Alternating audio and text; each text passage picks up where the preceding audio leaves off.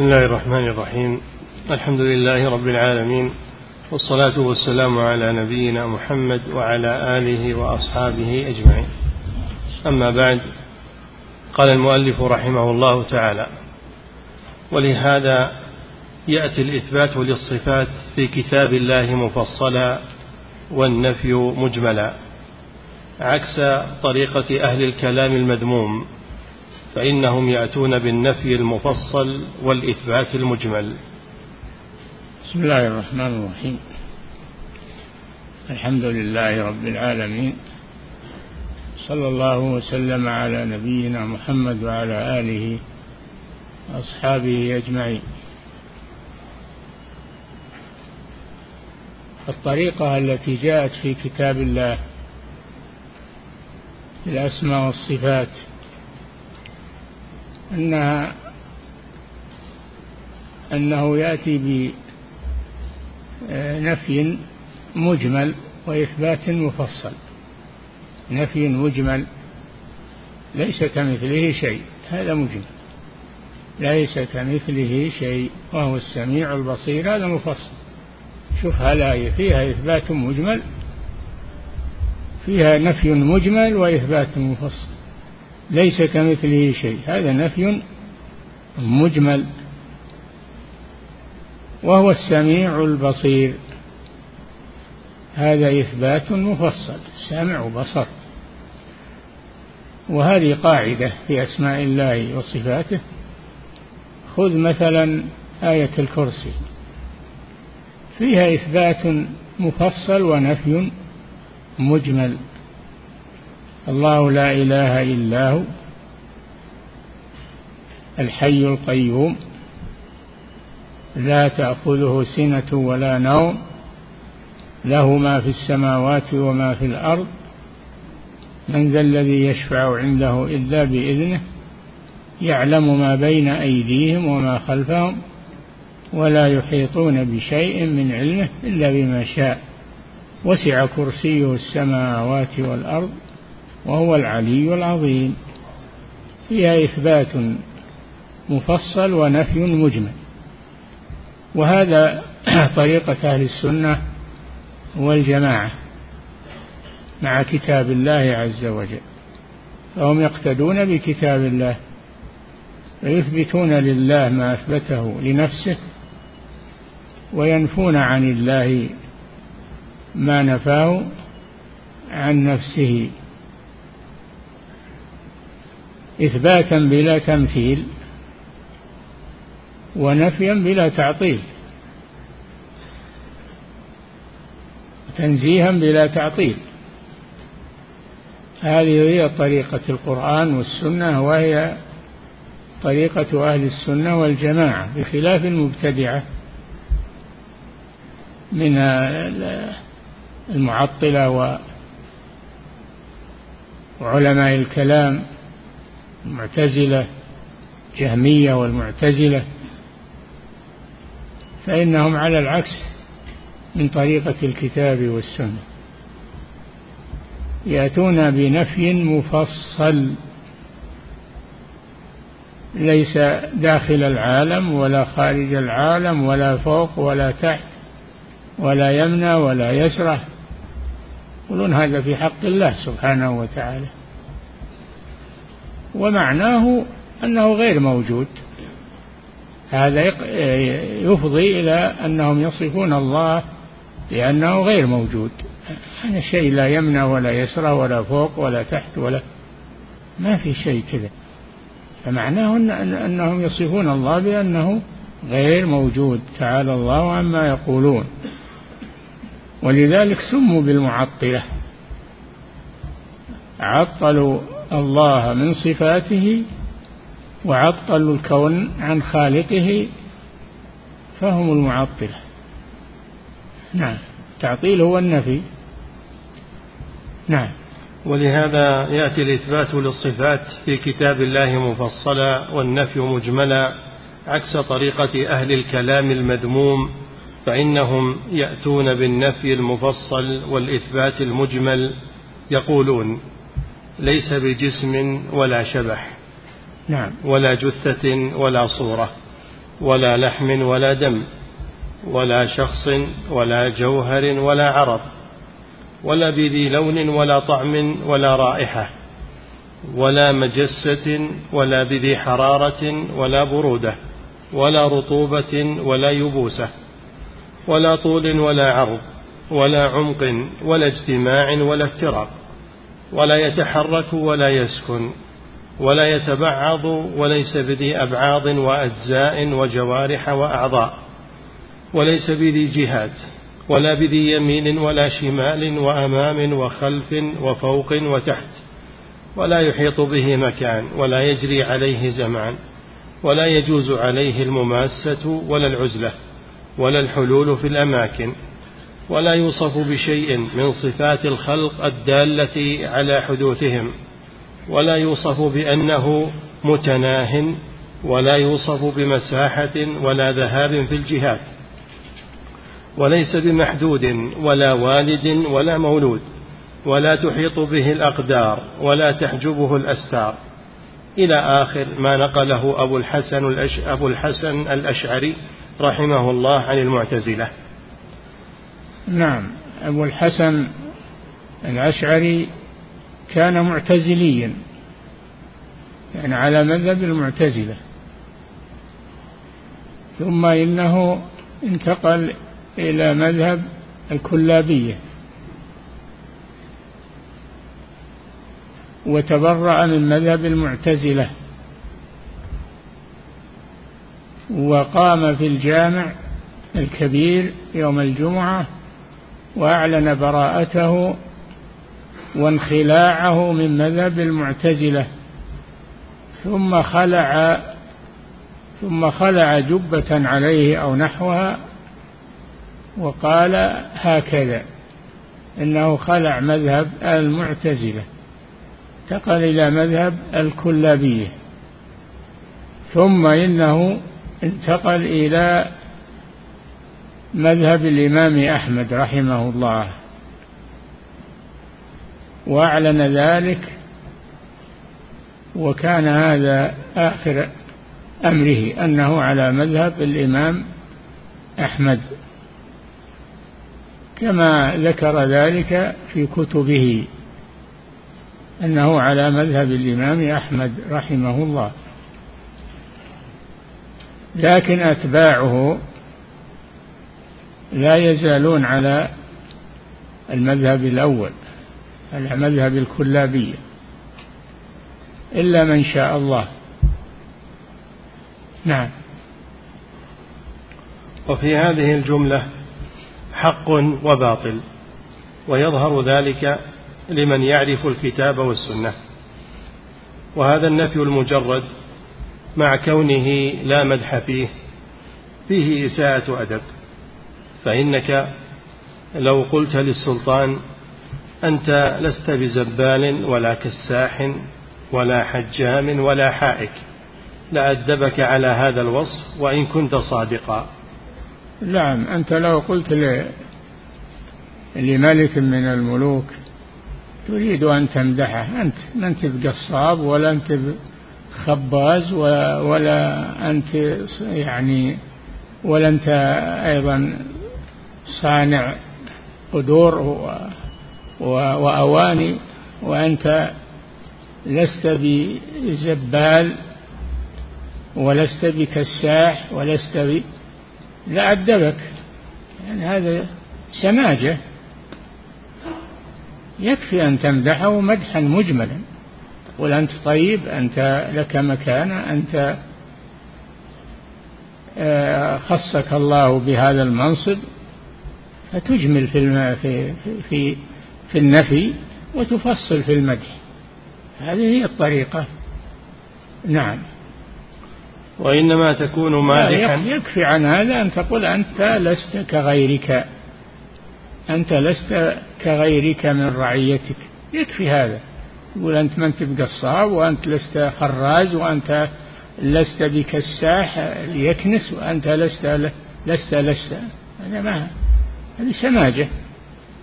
ومعناه أنك تستهزي بالشخص الذي تصفه بهذه الأوصاف. وهذا النفي المفصل. نعم. وإنما تكون مادحا إذا أجملت النفي. فقلت أنت لست مثل أحد من رعيتك. أي نعم يكفي هذا. نعم. أنت أعلى منهم وأشرف وأجل. فإذا أجملت في النفي أجملت في الأدب. نعم. والتعبير عن الحق بالألفاظ الشرعية النبوية الإلهية هو سبيل أهل السنة والجماعة. و والتعبير عن الحق بالألفاظ الشرعية النبوية الإلهية هو سبيل أهل السنة والجماعة. نعم التقيد بالألفاظ الواردة في الكتاب والسنة في حق الله تعالى هو الطريق الصحيح والسبيل المتبع بخلاف طريقة المخالفين الذين يريدون بزعمهم أن ينزه الله سبحانه وتعالى فيأتون بنفي مفصل وأما الإثبات فيأتون بإثبات مجمل. هذا عكس طريقة الكتاب والسنة. نعم. والتعبير عن الحق بالألفاظ الشرعية النبوية الإلهية هو سبيل أهل السنة والجماعة والمعطلة. تعبير عن الحق وهو الله سبحانه وتعالى. ذلك بأن الله هو الحق فمن أسمائه الحق سبحانه وتعالى. فيوصف الله بإثبات مفصل ونفي مجمل. نعم. والمعطلة يعرضون عما قاله الشارع من الأسماء والصفات ولا يتدبرون ما قاله الشارع وهو الله جل وعلا والرسول مبلغ عن الله عز وجل فيما شرعه. نعم. والمعطلة يعرضون عما قاله الشارع من الأسماء والصفات ولا يتدبرون معانيها ويجعلون ما ابتدعوه من المعاني والألفاظ هو المحكم الذي يجب اعتقاده واعتماده. نعم وهو باطل. يجعلون مذهبهم هو الحق وما جاء في الكتاب والسنة هو التشبيه وهو, وهو إلى آخره. هذا من الضلال وانتكاس الفطر. فأي الذي يريد الحق يتبع التعبير القرآني والتعبير النبوي. ولا يأتي بتعبير من عنده أو من عند مشايخه أو القول الطائفة الفلانية والعلانية. كفانا الله جل وعلا بالقرآن الكريم في هذا الأمر وفي غيره. نعم.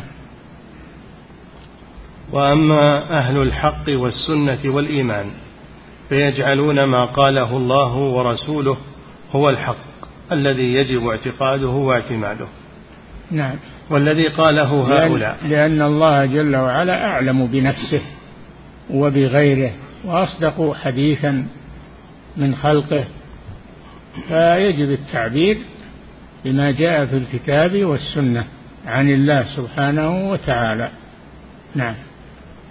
وأما أهل الحق والسنة والإيمان فيجعلون ما قاله الله ورسوله هو الحق الذي يجب اعتقاده واعتماده والذي قاله هؤلاء إما أن يعرضوا عنه اعراضا جمليا أو يبينوا حاله تفصيليا ويحكم عليه بالكتاب والسنة.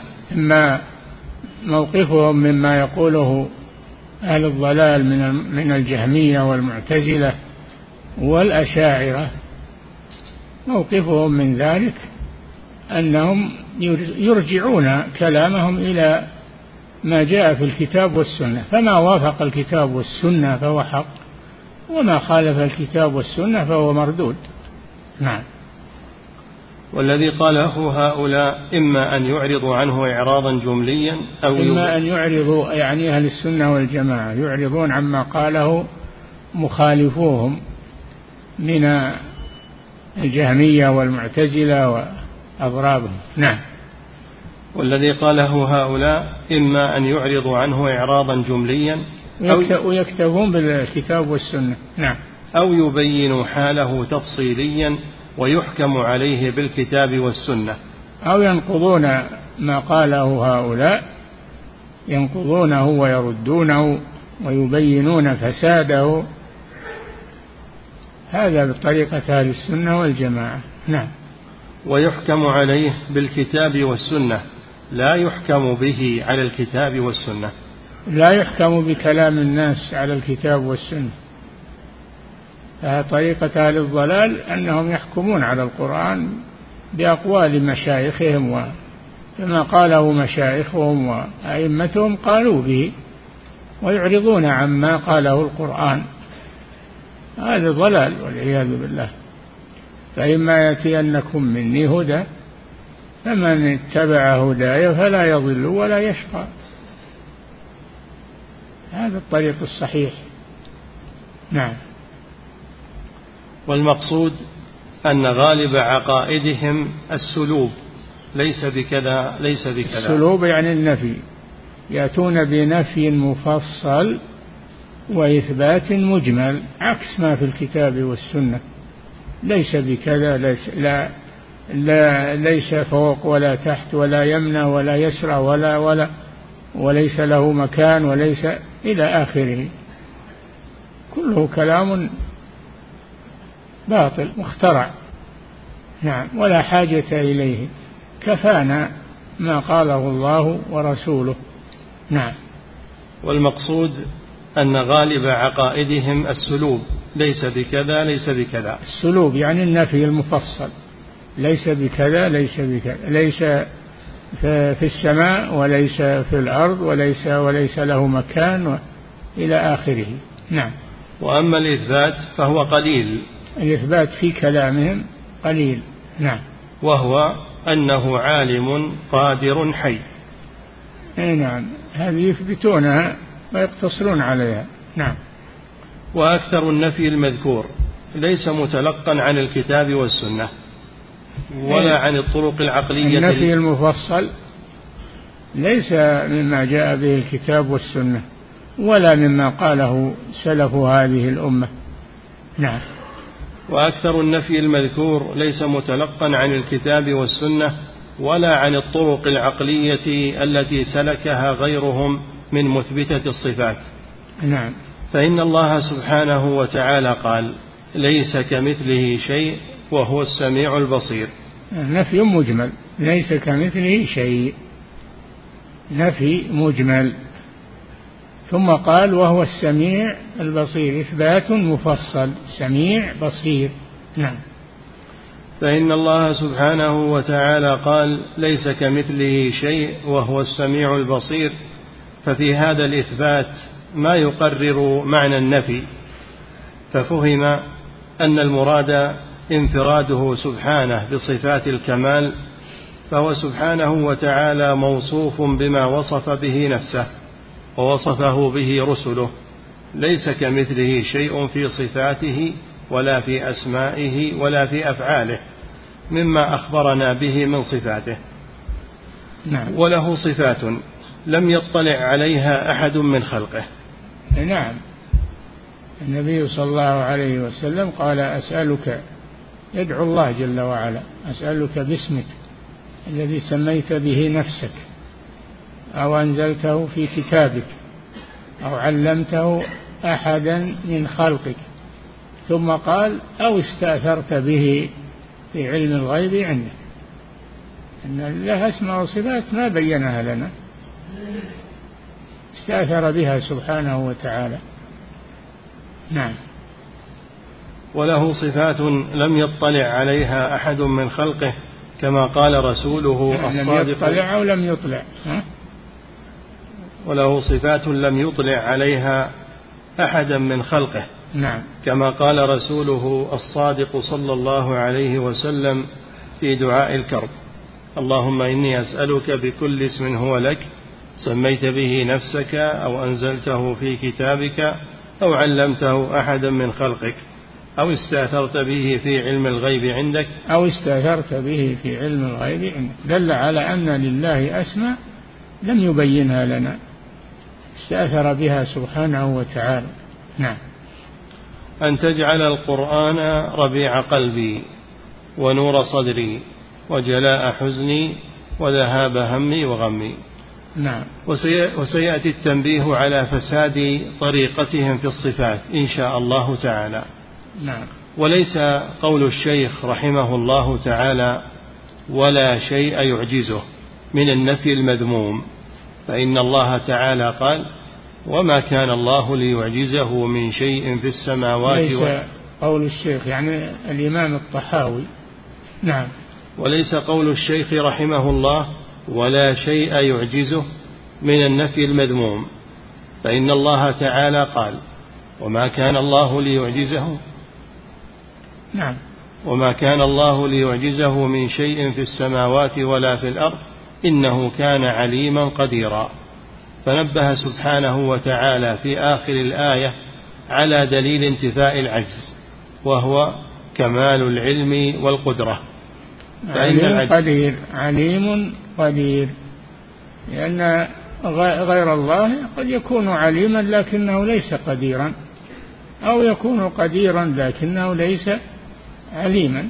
أما الله جل وعلا فإنه عليم قدير. نعم.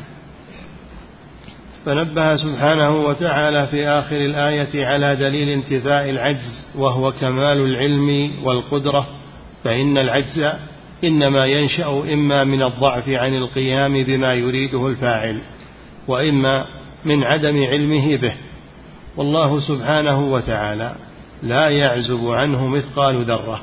وهو على كل شيء قدير. لا يعزب عنه مثقال ذرة يعني لا يغيب عنه مثقال ذرة في السماوات ولا في الأرض.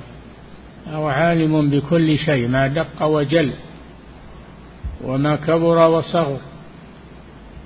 فهو عالم بكل شيء سبحانه وتعالى. نعم. والله تعالى لا يعزب عنه مثقال ذرة وهو على كل شيء قدير. وقد علم ببداه العقول وال وقد علم ببداه العقول. بدائه بداهي بداهي نعم. ظاهر بدائه بدائه به همزة. نعم. وقد علم ببدائه العقول والفطر كمال قدرته وعلمه. فانتفى العجز. لما بينه لما بينه وبين القدرة من التضاد. ولأن العاجز لا يصلح أن يكون إلها. تعالى الله عن ذلك علوا كبيرا. نعم. قوله ولا إله غيره. لا, لا إله غيره. أي لا معبود بحق سواه سبحانه وتعالى. لا تقل لا معبود غيره. فإن هذا مذهب وحدة الوجود. لا بد تأتي بهذا القيد بحق. لا معبود بحق غيره. وإلا هناك معبودات بالباطل ولا يعبد بالحق إلا الله سبحانه وتعالى. ذلك بأن الله هو الحق وأن ما يدعون من دونه هو الباطل وأن الله هو العلي الكبير. نعم. ولا إله غيره. هذه كلمة التوحيد. نعم. التي دعت إليها الرسل كلها. لا إله غيره. كل رسول يقول لقومه يا قوم اعبدوا الله ما لكم من إله غيره. شوف ما لكم من إله غيره. كل رسول يقول لقومه كذا. لقد بعثنا في كل أمة في كل أمة في كل أمة رسولا أن يعبدوا الله واجتنبوا الطاغوت. هذا معنى لا إله إلا الله. هذا معنى لا إله إلا الله. فيها نفي وإثبات. اعبدوا الله هذا إثبات. واجتنبوا الطاغوت هذا نفي. نعم. فهو معنى لا إله إلا الله. تماما. نعم. ولا إله غيره. هذه كلمة التوحيد التي دعت إليها الرسل كلها كما تقدم ذكره. نعم. وإثبات التوحيد بهذه الكلمة باعتبار النفي والإثبات المقتضي للحصر. فإن الإثبات المجرد قد يتطرق إليه الاحتمال.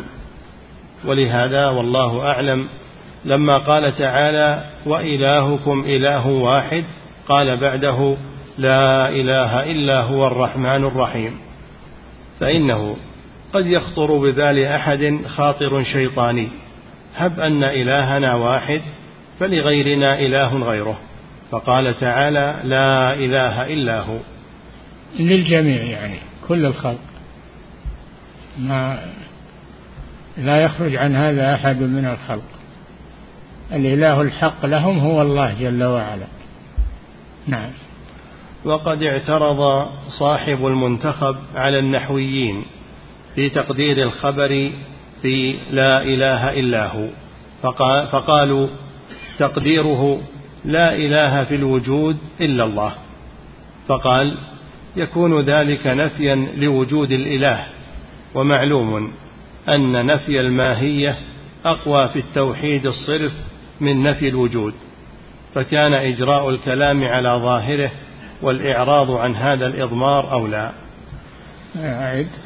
وقد اعترض صاحب المنتخب على النحويين في تقدير الخبر في لا إله إلا الله فقالوا تقديره لا إله في الوجود إلا الله. فقال يكون ذلك نفيا لوجود الإله. ومعلوم أن نفي الماهية أقوى في التوحيد الصرف من نفي الوجود فكان إجراء الكلام على ظاهره. لا, لا ليس لا إله في الوجود ما يقدر لا إله في الوجود بل يقدر لا إله حق لا إله حق إلا الله جل وعلا. لا هناك آلهة باطلة. فإذا قلت لا إله حق انتفت الآلهة الباطلة. نعم. ومعلوم أن نفي الماهية أقوى في التوحيد الصرف من نفي الوجود فكان إجراء الكلام على ظاهره والإعراض عن هذا الإضمار أولى. وأجاب أبو عبد الله محمد ابن أبي الفضل المرسي في ري الظمآن فقال هذا كلام من لا يعرف لسان العرب. فإن هذا إله هذا وأجاب أبو عبد الله محمد بن أبي الفضل المرسي نعم. في ري الظمآن فقال هذا كلام من لا يعرف لسان العرب. نعم. فإن إله موضع في موضع المبتدأ على قول سيباويه وعند غيره اسم لا. وعلى التقديرين فلا بد من خبر للمبتدأ وإلا فما قاله من الاستغناء عن الإضمار فاسد. نعم لا بد في لا إله إلا الله من إضمار. لا إله حق إلا الله. يعني والآلهة التي تعبد غير الله يعني باطلة. لا إله حق إلا الله.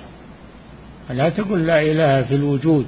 لا لا إله حق ولا في الوجود آلهة كثيرة. لكن قل حق. فإذا قلت حق انتفت الإلهية الباطلة. نعم. وأما قوله إذا لم يضمر يكون نفيا للماهية فليس بشيء لأن نفي الماهية هو نفي الوجود. لا تتصور الماهية إلا مع الوجود فلا فرق بين لا ماهية ولا وجود. وهذا مذهب أهل السنة خلافا للمعتزلة فإنهم يثبتون ماهية عارية من الوجود. وإلا الله مرفوع بدلا من لا إله. وإلا الله. نعم. وإلا الله مرفوع بدلا من لا إله. لا يكون خبرا للا ولا للمبتدأ. وذكر الدليل على ذلك. نعم. وليس المراد هنا ذكر الإعراب بل المراد دفع الإشكال الوارد على النحاة في ذلك. وبيان أنه من جهة المعتزلة وهو فاسد فإن قوله في الوجود ليس تقييدا لأن العدم ليس بشيء. قال سبحانه وتعالى وقد خلقتك من قبل ولم تك شيئا ولا يقال ليس قوله غيره كقوله إلا الله لأن غيرا تعرب بإعراب الاسم الواقع بعد إلا. فيكون التقدير للخبر فيهما واحدا فلهذا ذكرت هذا الإشكال وجوابه هنا. نعم لا إله لابد من تقدير. لا إله حق إلا الله. هذا لا بد منه لأن هناك آلهة باطلة ليست حقا ليس هناك إله حق إلا الله سبحانه. ذلك بأن الله هو الحق وأن ما يدعون من دونه هو الباطل وأن الله هو العلي الكبير. نعم. قوله قديم بلا ابتداء دائم بلا انتهاء. انتبهوا لقول قديم. نعم. قوله قديم بلا ابتداء دائم بلا انتهاء. قال الله تعالى هو الأول والآخر. لا تقل قديم قل الأول. الله جل وعلا قال هو الأول ولا ما قال هو القديم؟ لأن, لأن ما من قديم إلا وقبله ما هو أقدم منه. نعم. قال تعالى هو الأول والآخر. وقال صلى الله عليه وسلم اللهم أنت الأول فليس قبلك شيء وأنت الآخر فليس بعدك شيء. فقول الشيخ وأنت الظاهر فليس فوقك شيء وأنت الباطن فليس دونك شيء هو الأول والآخر والظاهر والباطن. النبي صلى الله عليه وسلم فسر هذه الآية تفسيرا واضحا. نعم. فقول الشيخ رحمه الله قديم بلا ابتداء دائم بلا انتهاء هو معنى اسمه الأول والآخر. نعم لو عبر بالأول أول بلا ابتداء كان هذا هو الحق. نعم. والعلم بثبوت هذين الوصفين مستقر في الفطر فإن الموجودات لا بد أن تنتهي إلى واجب الوجود لذاته قطعا للتسلسل. نعم فإن تنتهي إلى الله سبحانه هو الواجب لذاته. نعم. فإن الموجودات لا بد أن تنتهي إلى واجب الوجود لذاته قطعا للتسلسل فإنا نشاهد حدوث الحيوان والنبات والمعادن وحوادث الجو كالسحاب والمطر وغير ذلك. وهذه الحوادث وغيرها ليست ممتنعة فإن الممتنع لا يوجد ولا واجبة الوجود بنفسها فإن واجب الوجود بنفسه لا يقبل العدم. وهذه كانت معدومة ثم وجدت فعدمها ينفي وجوبها ووجودها ينفي امتناعها وما كان قابلا للوجود والعدم لم يكن وجوده بنفسه. كما قال سبحانه أم خلقوا من غير شيء أم هم الخالقون؟ أم خلقوا من غير شيء أي من غير خالق. أم هم الخالقون؟ هم الذين خلقوا أنفسهم. وخلقوا غيرهم؟ لا. نعم. كما قال تعالى أم خلقوا من غير شيء أم هم الخالقون. يقول سبحانه أحدثوا أحدثوا من غير محدث أم هم أحدثوا أنفسهم؟ ومعلوم أن الشيء المحدث لا يوجد, لا يوجد نفسه. المحدث. ومعلوم أن الشيء المحدث لا يوجد نفسه. المحدث. ومعلوم أن الشيء المحدث لا يوجد نفسه. نعم. فالممكن الذي ليس له من نفسه وجود ولا عدم. لا يكون موجودا بنفسه. بل إن حصل ما يوجده وإلا كان معدوما. وكل أم خلقوا من غير شيء أي من غير خالق. أم هم الخالقون؟ خلقوا أنفسهم وخلقوا غيرهم. هذا لما سمعه جبير بن مطعم رضي الله عنه قبل أن يسلم قال سمع النبي صلى الله عليه وسلم يقرأ في صلاة الفجر أم خلقوا من غير شيء؟ أم هم الخالقون؟ أم خلقوا السماوات والأرض بل لا يوقنون؟ قال كاد قلبي يطير لما سمع هذا هذا الكلام. نعم. وكل ما أمكن وجوده بدلا من عدمه وعدمه بدلا من وجوده فليس له من نفس وجود فليس له من نفس وجود ولا عدم لازم له. وإذا تأمل الفاضل غاية ما يذكره المتكلمون والفلاسفة من الطرق العقلية. وإذا, وإذا تأمل الفاضل غاية ما يذكره المتكلمون والفلاسفة من الطرق العقلية وجد الصواب منها يعود إلى بعض ما ذكر في القرآن من الطرق العقلية بأفصح عبارة وأوجزها. وفي نعم. طرق القرآن من تمام البيان والتحقيق ما لا يوجد عندهم مثله. قال سبحانه ولا يأتونك بمثل إلا جئناك بالحق وأحسن تفسيرا. نعم. ما يأتي أهل الباطل بشيء إلا وفي القرآن ما ينقضه ويبطله ويبينه فلم يبق لهم طريق مع القرآن مع القرآن الكريم العظيم. نعم. ولا نقول لا ينفع الاستدلال بالمقدمات الخفية والأدلة الطويلة فإن الخفاء والظهور من الأمور النسبية. فربما ظهر لبعض الناس ما خفي على غيره ويظهر للإنسان الواحد في حال ما خفي عليه في حال أخرى. وأيضا فالمقدمات وإن كانت خفية فقد يسلمها بعض الناس وينازع فيما هو أجلى منها. مقدمات والنتائج هذه عند المتكلمين. المقدمة ثم النتيجة بعدها لا بأس أن نأخذ منها ما وافق القرآن والسنة ونترك ما خالف نعم. وأيضا فالمقدمات وإن كانت خفية فقد يسلمها بعض الناس وينازع فيما هو أجلى منها وقد تفرح النفس بما علمته بالبحث والنظر ما لا تفرح بما علمته من الأمور الظاهرة. ولا شك أن العلم بإثبات الصانع. ووجوب وجوده أمر ضروري فطري. نعم. لأنه ضروري. هذه الكائنات هل هي أوجدت نفسها؟ هل هذه الجبال وهذه البحار وهذه الفيافي والبراري وهذه الأشجار والأحجار هذه الكائنات المتحركة والجامدة يعني وجدت صدفة؟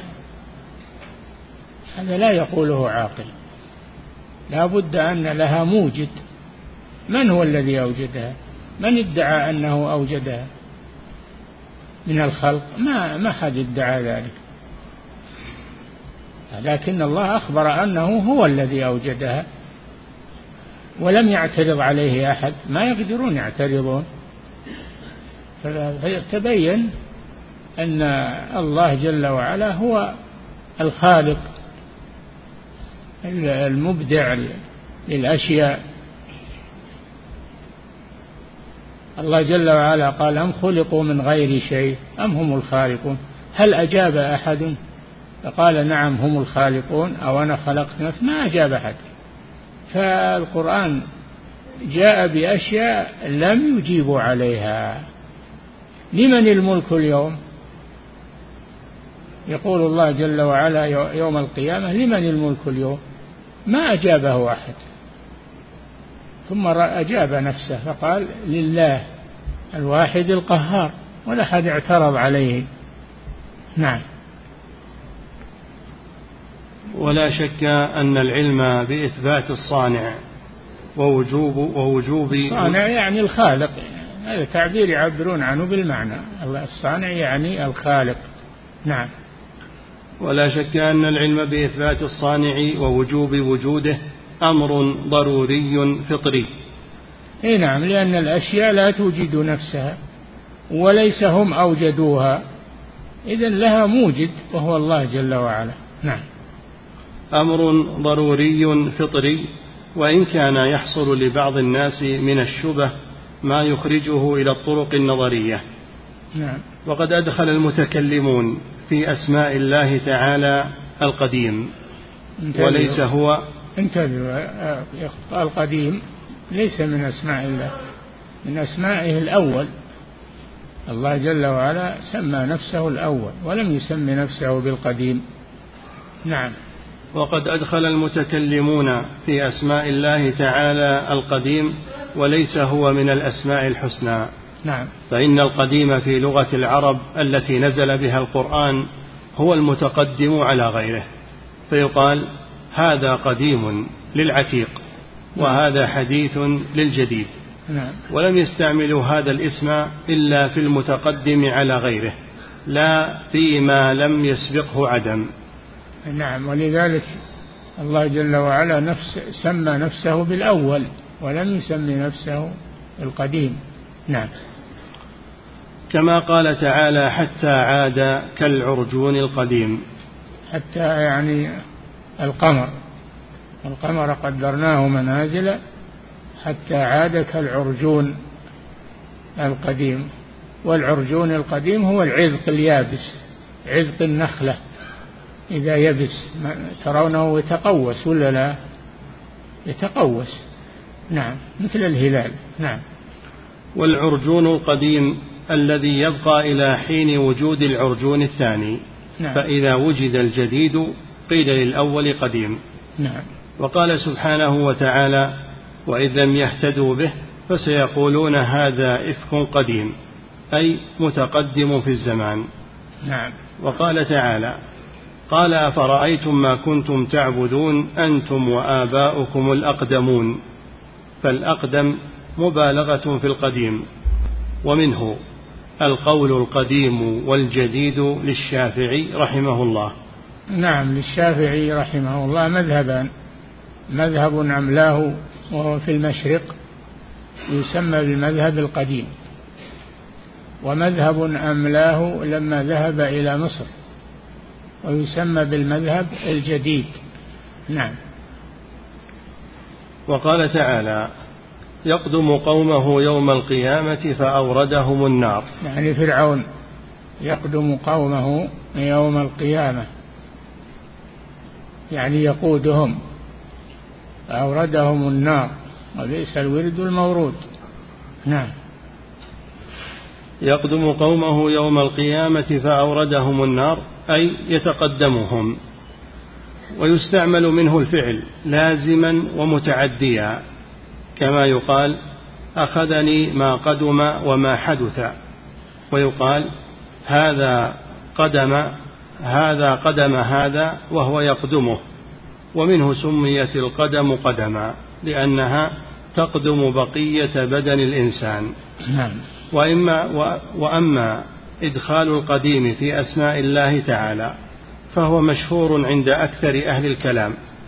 وقد أنكر ذلك كثير من السلف والخلف منهم ابن حزم رحمه الله. ليس من أسماء الله أنه القديم يقال الله هو القديم ليس من أسماء لكن جاء الأول. هو الأول والآخر والظاهر والباطن نعم. ولا ريب أنه إذا كان مستعملا في نفس التقدم فإنما تقدم على الحوادث كلها. فهو أحق بالتقدم من غيره. لكن أسماء الله تعالى هي الأسماء الحسنى التي تدل على خصوص ما يمدح به. نعم. والتقدم في اللغة مطلق لا يختص بالتقدم على الحوادث كلها فلا يكون من الأسماء الحسنى. نعم. وجاء الشرع باسمه الأول وهو أحسن من القديم. انتبهوا. جاء الشرع وجاء الشرع باسمه. يعني الوحي جاء الوحي بأن الله هو الأول ولم يقل هو القديم. نعم. وجاء الشرع باسمه الأول وهو أحسن من القديم لأنه يشعر بأن ما بعده آيل إليه وتابع له بخلاف القديم. والله سبحانه وتعالى له الأسماء الحسنى لا الحسنة. نعم الحسنى. لا الحسنة. ما يقال أسماء الله حسنة. بل يقال أسماء الله حسنى. لأن هذا أتم وأوفى من الحسنة. نعم. قوله لا يفنى ولا يبيد قول المؤلف طحاوي لا يفنى يعني الله جل وعلا. لا يفنى ولا يبيد نعم. إقرار بدوام بقائه سبحانه وتعالى. نعم. قال عز من قائل كل من عليها فان ويبقى وجه ربك ذو الجلال والإكرام. نعم. والفناء والبيد متقاربان في المعنى والجمع بينهما في الذكر للتأكيد وهو أيضا مقرر وهو أيضا مقرر الجمع بينهما لا يفنى ولا يبيد. لا يفنى ولا يبيد كما جمع المؤلف بينهما.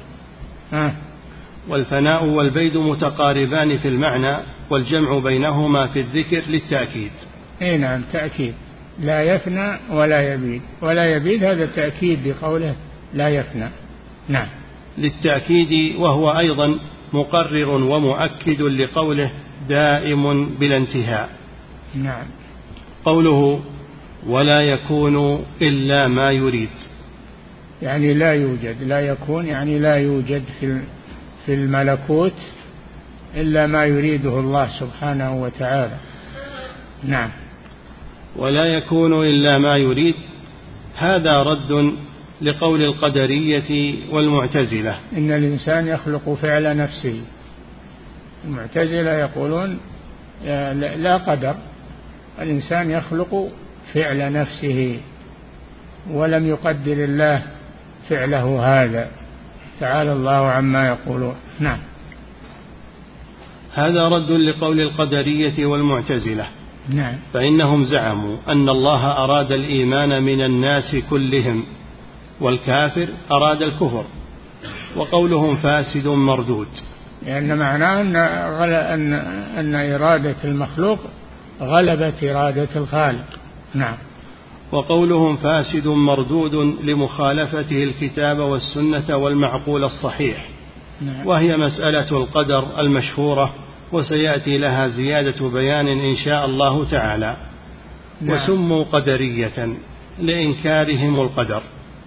وكذلك تسمى الجبرية المحتجون بالقدر قدرية أيضا.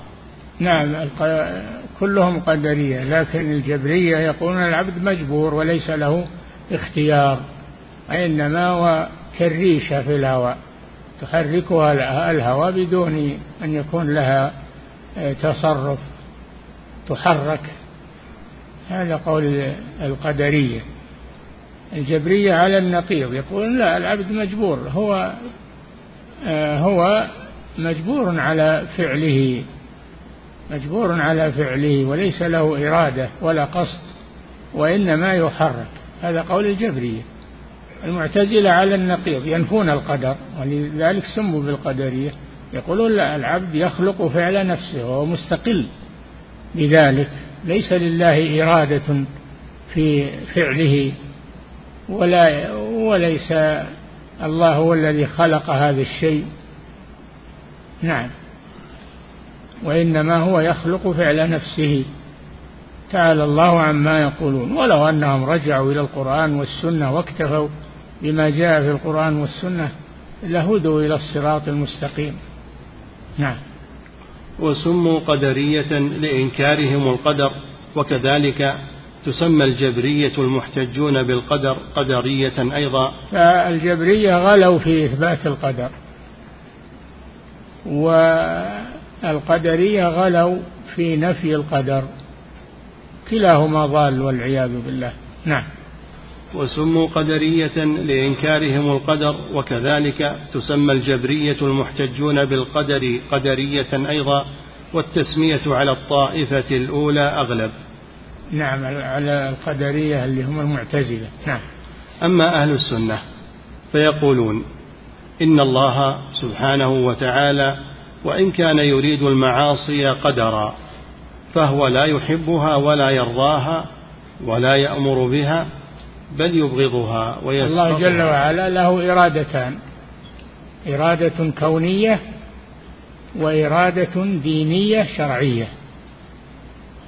أما القدرية فقد لا يحبها الله ولا يريدها مثل كفر الكافر شرك المشرك هذا لا يحبه الله وإن كان قدره لكنه لا يحبه. ليس من لازم الإرادة الكونية أن الله يحبها. أما الإرادة الشرعية فإن الله يحبها ويريدها والله يريد أن يتوب عليكم ويريد الذين يتبعون الشهوات أن تميلوا ميلا عظيما. يريد الله أن يخفف عنكم وخلق الإنسان ضعيف هذه إرادة شرعية. نعم. أما أهل السنة فيقولون إن الله وإن كان يريد المعاصي قدرا فهو لا يحبها ولا يرضاها ولا يأمر بها بل يبغضها ويسخطها ويكرهها وينهى عنها.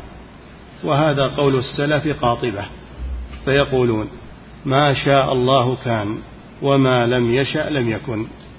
نعم. ولهذا اتفق الفقهاء على أن الحالف لو قال والله لأفعلن كذا إن شاء الله لم يحنث إذا لم يفعله وإن كان واجبا أو مستحبا. لأنه استثنى. قوله إن شاء الله الاستثناء. نعم. لم يحنث إذا لم يفعله وإن كان واجبا أو مستحبا. ولو قال إن أحب الله حنث. إذا كان واجبا أو مستحبا. لأن الله يحب الواجب والمستحب. نعم. والمحققون من أهل السنة يقولون الإرادة في كتاب الله نوعان. انتبهوا والمحققون من أهل السنة يقولون الإرادة في كتاب الله نوعان إرادة قدرية كونية خلقية وإرادة دينية أمرية شرعية. نعم. فالإرادة الشرعية هي المتضمنة للمحبة والرضا. هذه الشرعية نعم. والكونية هي المشيئة الشاملة لجميع الحوادث. تكون محبوبة وتكون غير محبوبة. نعم. وهذا كقوله سبحانه فمن يرد الله أن يهديه يشرح صدره للإسلام ومن يرد أن يضله يجعل صدره ضيقا حرجا كأنما يصعد في السماء. هذه الإرادتان من يريد أن يهديه هذه إرادة شرعية يشرح صدره للإسلام. ومن يرد هذه إرادة كونية. ومن يرد أن يضله يجعل صدره ضيقا حرجا في قراءة حرجا كأنما يصعد في السماء. لأن اللي يصعد إلى السماء يضيق صدره لأن الأكسجين يقولون ينعدم أو يقل فيضيق صدره إذا ارتفع. لازم يكون معه استعداد يستصحبه معه. وإلا فإنه ينخنق إذا ارتفع ينخنق. إلا إما كان معه استعداد يعوض ما نقص من الأكسجين. نعم. وقوله تعالى عن نوح عليه السلام ولا ينفعكم نصحي إن أردت أن أنصح لكم إن كان الله يريد أن يغويكم. كونية هذه إرادة كونية. إن كان الله يريد أن يغويكم إرادة كونية. نعم. وقوله تعالى ولكن الله يفعل ما يريد. يفعل ما يريد, ما يريد. هذه إرادة. ولو شاء الله ما اقتتلوا. ولكن الله يفعل ما يريد. يعني إرادة كونية. الله لم يرد الاقتتال شرعا وإنما أراده كونا وقدرا. نعم. الاقتتال يعني بين المسلمين. نعم. وأما الإرادة الدينية الشرعية الأمرية فكقوله تعالى يريد الله بكم اليسر ولا يريد بكم العسر. نعم. والله يريد أن يتوب عليكم. نعم. وقوله تعالى يريد الله ليبين لكم ويهديكم سنن الذين من قبلكم. هذه إرادة شرعية. نعم. ويتوب عليكم والله عليم حكيم. نعم. والله يريد أن يتوب عليكم. ويريد الذين يتبعون الشهوات أن تميلوا ميلا عظيما. يريد الله أن يخفف عنكم. وخلق الإنسان ضعيفا. كل هذه إرادات شرعية. نعم. وقوله تعالى ما يريد الله ليجعل عليكم من حرج. ولكن يريد ما يريد الله؟ ليجعل عليكم من حرج. نعم. ولكن يريد ليطهركم وليتم نعمته عليكم. نعم. لما ذكر أن الذي ليس عنده ماء يتيمم في الصعيد ويطهره ذلك قال ما يريد الله أن يجعل عليكم من حرج ولكن يريد ليطهركم وليتم نعمته عليكم. نعم. وقوله تعالى إنما يريد الله ليذهب عنكم الرجس أهل البيت ويطهركم تطهيرا. أهل بيت الرسول صلى الله عليه وسلم. إنما يريد الله ليذهب عنكم الرجس يعني النجاسة. النجاسة المعنوية في العقيدة في الأخلاق. ويطهركم من ذلك تطهيرا. نعم. فهذه الإرادة هي المذكورة في مثل قول الناس لمن يفعل القبائح هذا يفعل ما لا يريده الله. أي لا يحبه ولا ما لا يريده يعني ما لا يشرعه الله ما لا يحبه الله. ولا الإرادة الكونية؟ الله أراده. نعم. فهذه الإرادة هي المذكورة في مثل قول الناس لمن يفعل القبائح هذا يفعل ما لا يريده الله. ما لا يريده شرعا. نعم. أي لا يحبه ولا يرضاه ولا يأمر به. نعم. وأما الإرادة الكونية فهي فهي الإرادة المذكورة في قول المسلمين ما شاء الله كان وما لم يشأ لم يكن. مشيئة كونية. شوف المشيئة ما تأتي إلا كونية ما تأتي مشيئة شرعية لا. خلاف الإرادة فإنها تكون شرعية دينية وتكون قدرية. نعم. والفرق ثابت بين إرادة المريد أن يفعل وبين إرادته من غيره أن يفعل. فإذا أراد الفاعل أن يفعل فعلا فهذه الإرادة المعلقة بفعله. وإذا أراد من غيره أن يفعل فعلا فهذه الإرادة لفعل الغير. نعم. وكلا النوعين معقول للناس. والأمر يستلزم الإرادة الثانية دون الأولى. فالله سبحانه وتعالى إذا أمر العباد بأمر فقد يريد إعانة المأمور على ما على ما أمر به وقد لا يريد ذلك. وإن كان مريدا منه فعله. مريدا منه فعله قدرا قدرية إرادة كونية. نعم. وتحقيق هذا مما يبين فصل النزاع في أمر الله تعالى. هل هو مستلزم لإرادته أم لا؟ فهو سبحانه أمر الخلق على ألسن رسله عليهم السلام بما ينفعهم ونهاهم عما يضرهم. ولكن منهم من أراد أن يخلق فعله فأراد سبحانه أن يخلق ذلك الفعل ويجعله فاعلا له.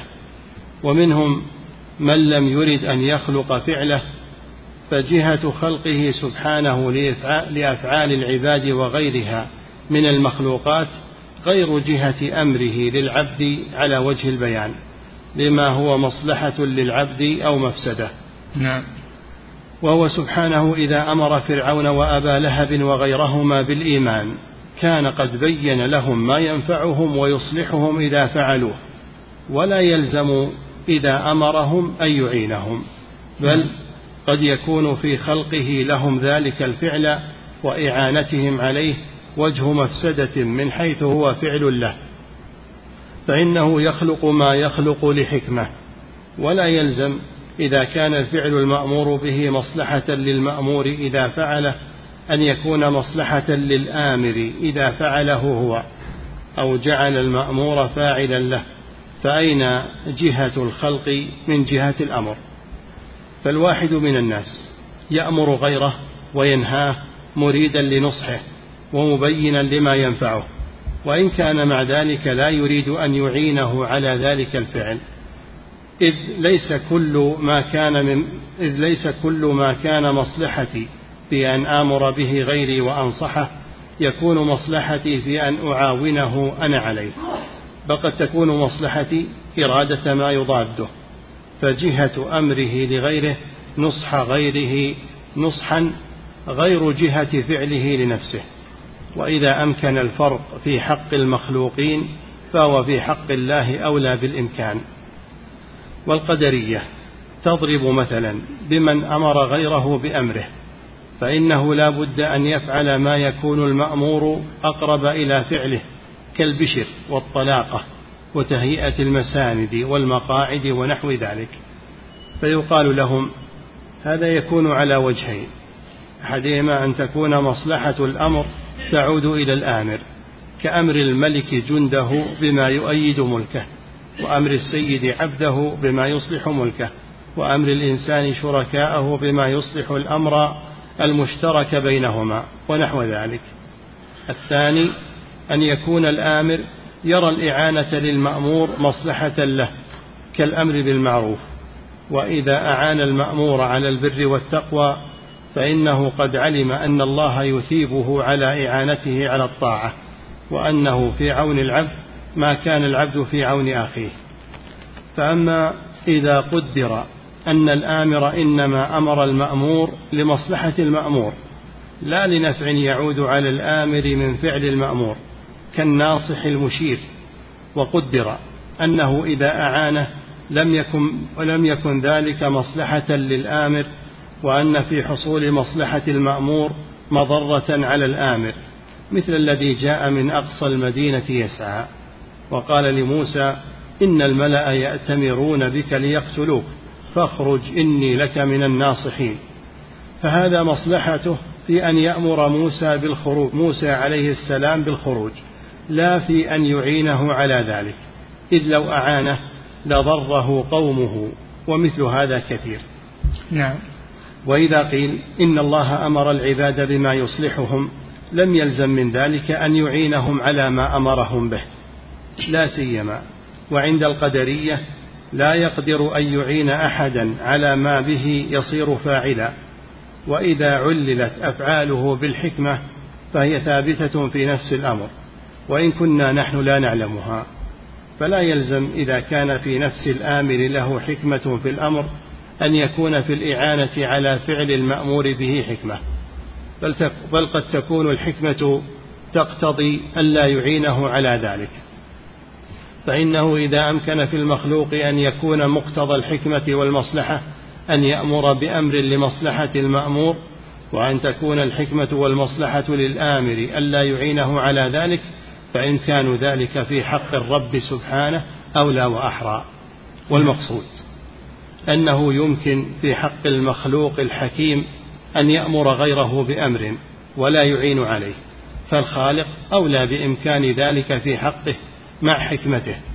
فمن أمره وأعانه على فعل المأمور كان ذلك المأمور به قد تعلق به خلقه وأمره نشأة خلقا ومحبة. فكان مرادا بجهة الخلق ومرادا بجهة الأمر. ومن لم يعنه على فعل المأمور كان ذلك المأمور قد تعلق به أمره ولم يتعلق به خلقه لعدم الحكمة المقتضية لتعلق الخلق به. ولحصول الحكمة المقتضية لخلق ضده. وخلق أحد الضدين ينافي خلق الضد الآخر. فإن خلق المرض الذي يحصل به ذل العبد لربه ودعاؤه وتوبته وتكفير خطاياه ويرق به قلبه ويذهب عنه الكبرياء والعظمة والعدوان يضاد خلق الصحة التي لا تحصل معها هذه المصالح. ولذلك خلق ظلم الظالم الذي يحصل به للمظلوم من جنس ما يحصل بالمرض.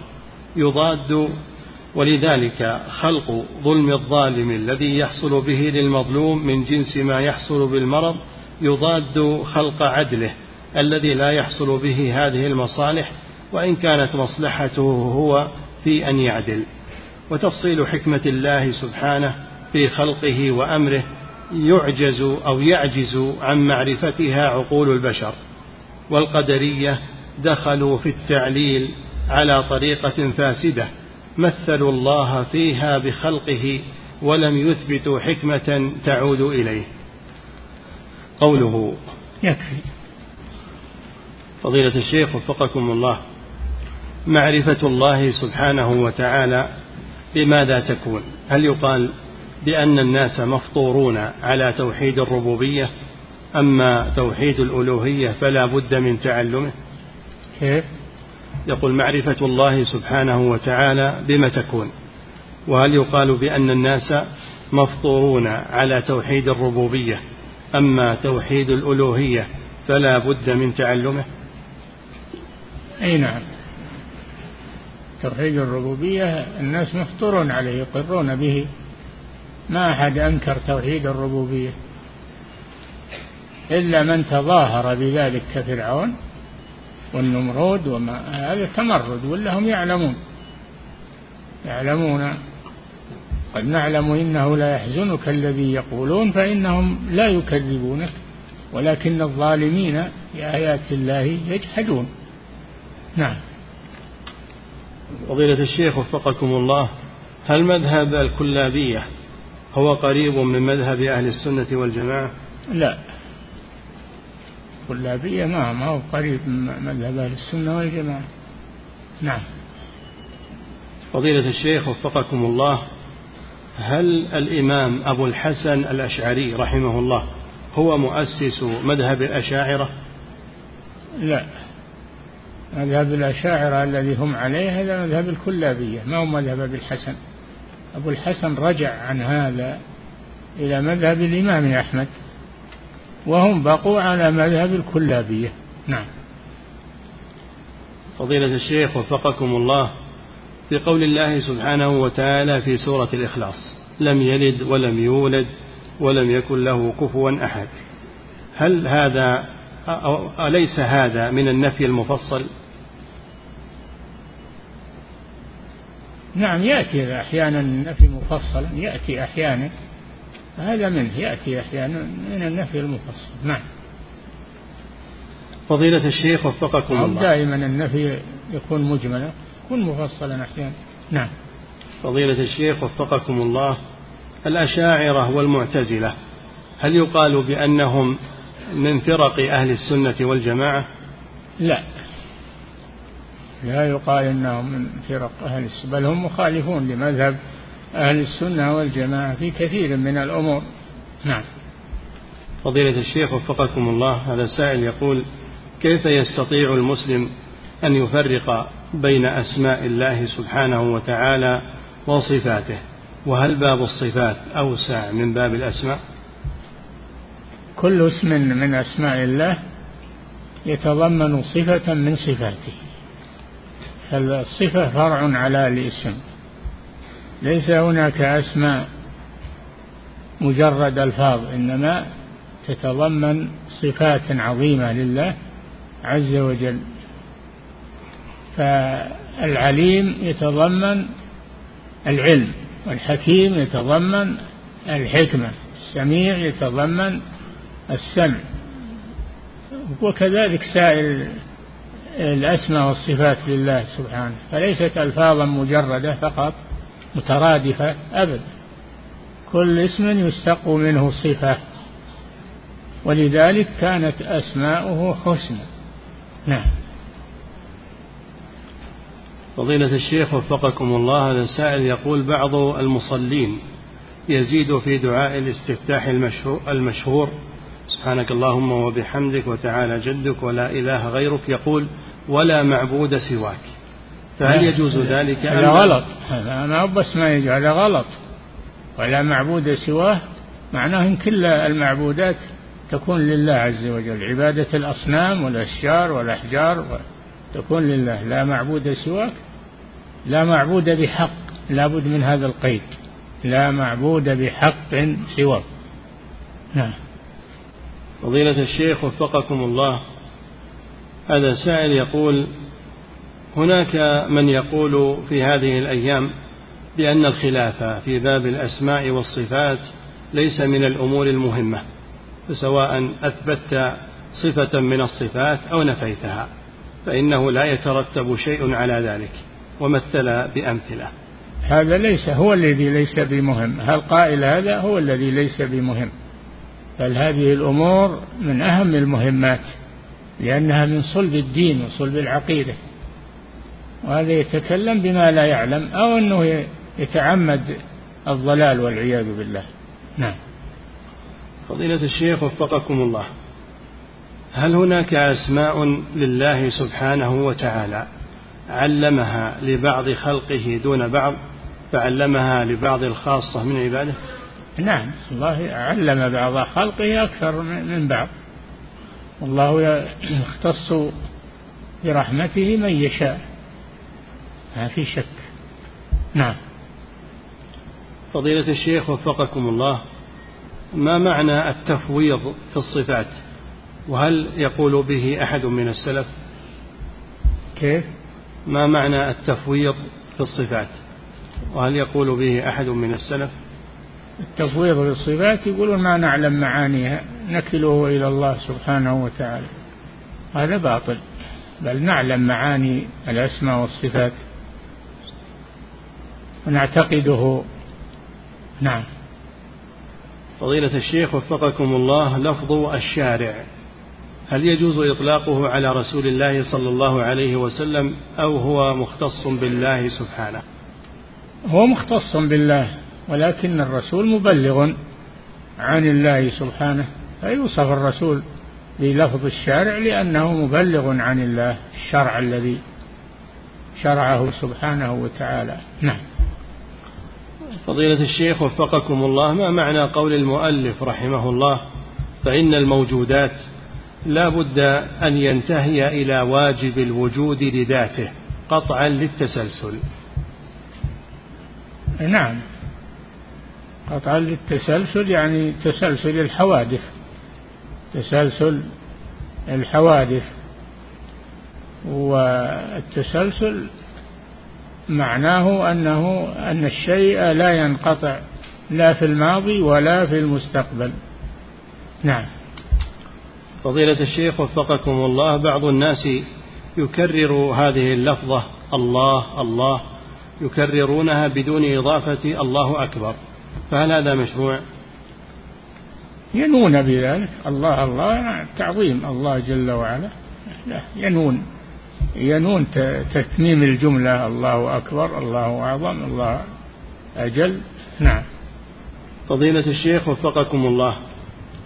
أهل الكلام الذين ذكرهم المؤلف رحمه الله هل هم الآن في عصرنا من يسمى بالعلمانيين؟ لا. علمانيين ذولا زنادقة ليس لهم دين. أما علماء الكلام لهم دين لكن عندهم تخليط في العقيدة و ولا هم أهل دين أهل ملة. نعم. خلاف العلمانيين فليس لهم دين والعياذ بالله. نعم. فضيلة الشيخ وفقكم الله هل تصح الصلاة خلف إمام يقول بأن من قال لا إله إلا الله يدخل الجنة ولو لم يعمل أي عمل مستدلا بحديث البطاقة وغيره. حديث البطاقة معمول على الذي قالها ومات ولم يتمكن من العمل. قالها معتقدا لها مؤمنا بها ومات ولم يتمكن من العمل. أما من تمكن من العمل وتركه ولم يعمل شيئا فلا تنفعه لا إله إلا الله. نعم. فضيلة الشيخ وفقكم الله. بعض الناس يطلق على أهل السنة أنهم مجسمة. فهل هذا الإطلاق صحيح؟ نعم مجسمة لأنهم يقولون أن إثبات الأسماء والصفات يقتضي التجسيم. والتجسيم لم يرد نفيه ولا إثباته في الكتاب والسنة وإنما هو لفظ مخترع. نعم. فضيلة الشيخ وفقكم الله عندما يريد العبد أن يعمل عملا أو يتركه فما هو الأكمل؟ أن يقول إن شاء الله أو يقول بإذن الله. هل كلاهما بمعنى واحد أم نعم الإذن والمشيئة سواء. نعم. فضيلة الشيخ وفقكم الله. هذا سائل يقول إذا وردت آية فيها يريد الله أو أراد الله فكيف نستطيع التفريق؟ ونقول بأن هذه كونية أو شرعية. بالسياق سياق اللفظة هذه جاء في أي سياق؟ السياق هو الذي يبين معناها. نعم. فضيلة الشيخ وفقكم الله في قول الله سبحانه فمن يرد الله أن يهديه يشرح صدره للإسلام. هذه الآية هل فيها إرادة شرعية وإرادة كونية؟ أم أن فيها نعم نعم ما في إرادة شرعية إلا ومعها إرادة كونية. نعم. فضيلة الشيخ وفقكم الله هذا سائل يقول هل هناك فرق بين الإرادة الإلهية وبين المشيئة الإلهية؟ شرعا المشيئة ترادف الإرادة الكونية. المشيئة ترادف الإرادة الكونية.